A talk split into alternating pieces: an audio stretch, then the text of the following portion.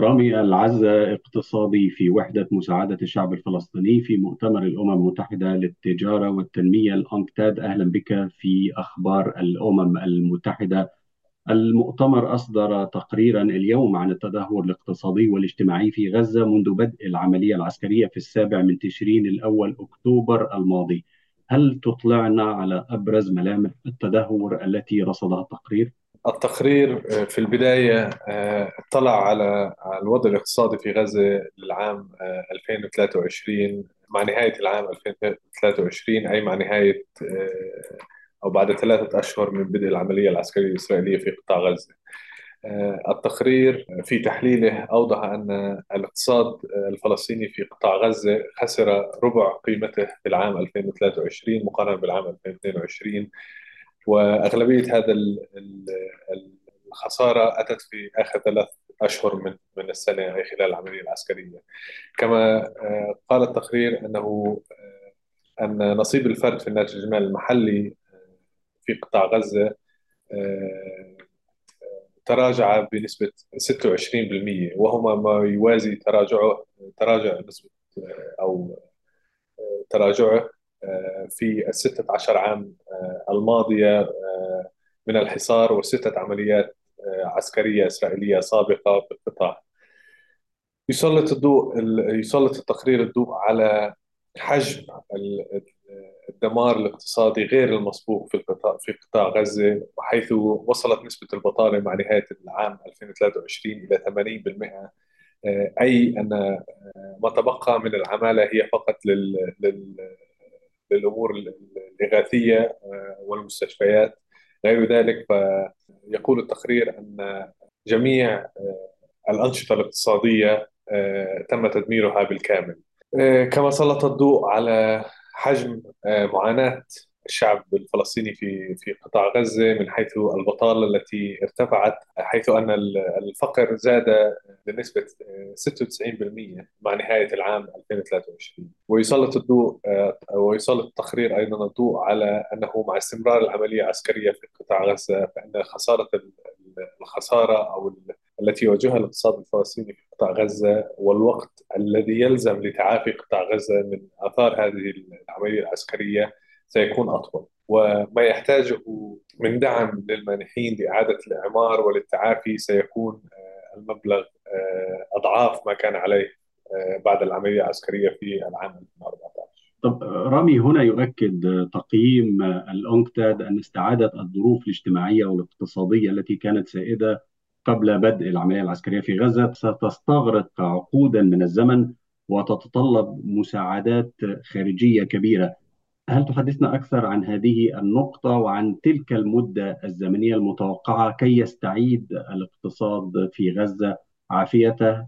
يحدد التقرير آه، الشروط اللازمة لتعافي اقتصاد غزة وبداية هي آه، وقف العملية العسكرية في قطاع غزة فورا وبدء إعادة الإعمار فورا والتدخل الكبير المطلوب من الدول المانحة والمجتمع الدولي في تمويل آه، إعادة الإعمار آه، بشكل كبير. كما يقول التقرير أنه يجب دمج آه، قطاع غزة والضفة الغربية تحت مظلة واحدة وذلك مما يساعد للوصول إلى حل سياسي عبر حل الدولتين وفي أحسن الأحوال. وأن كل هذه الشروط تمت سوف يستغرق القطاع مع نمو مستمر بمقدار 10% سيستغرق آه، حتى العام 2035 لقطاع غزة للعودة للمستويات اللي كانت عليه في 2006 أي قبل الحصار الإسرائيلي على القطاع. كما يحذر التقرير من أن العودة إلى ما كان سائدا أو ما كان الوضع القائم قبل آه، أكتوبر من العام 2023 هو لا يجب أن يكون خيار مطروحا على الطاولة. حيث أن آه، الاقتصاد آه، في غزة آه، في 16 عاما نما بمقدار 1% فقط. وكان معدل النمو في قطاع غزة خلال 16 عاما الماضية هو 0.4% فقط. وإذا حدث ذلك فإننا ننظر إلى فقط ليعود الاقتصاد أو الناتج المالي المحلي لمستوياته التي كان عليها في 2022 آه، يحتاج الاقتصاد حتى العام 2092 ولكن هذا ليس مطروحا على الطاولة حيث أن الأزمة الإنسانية التي مقابلة لهذا آه، هو شيء غير مسبوق. لن تكون آه، حتى خيار مطروحا على على الطاولة. ولذا على المجتمع الدولي الآن أن يتدخل بشكل عاجل لإنهاء الحرب والنقطة الأولى لإيجاد حل جذري لهذه الدائرة المفرغة من العنف في في الأراضي في الأرض الفلسطينية الفلسطينية المحتلة من خلال حل الدولتين. وحيث أن التقرير يحذر أنه لا لأنصاف الحلول الآن حيث أن الشعب الفلسطيني في قطاع غزة يعاني وسوف يظل يعاني إلى عقود لاحقة إذا ظل الوضع على ما هو عليه في ظل كل هذه المعطيات ما هو حجم الالتزام المالي المطلوب من أجل دعم عملية تعافي الاقتصاد في غزة وإعادة الإعمار بعد انتهاء الحرب؟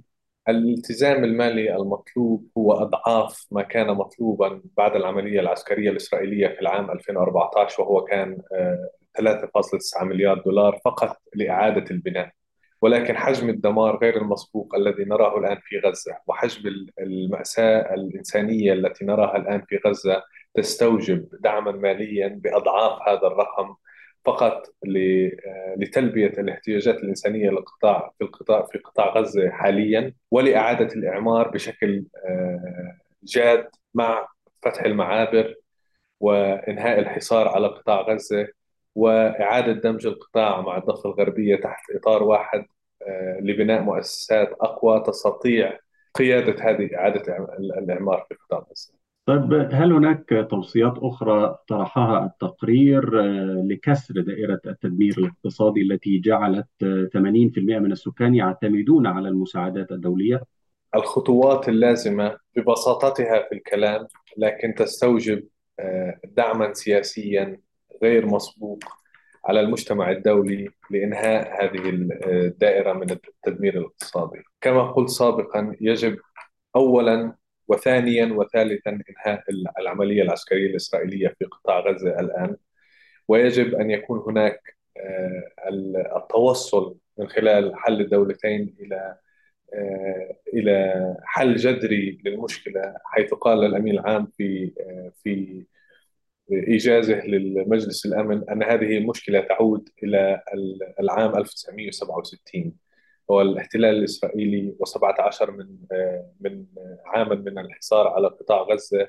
والآن الدمار الغير مسبوق فيجب التحرك العاجل وبجدية في كل المستويات الإنسانية والتمويلية والسياسية لإيجاد حل جذري لما يحصل الآن في قطاع غزة.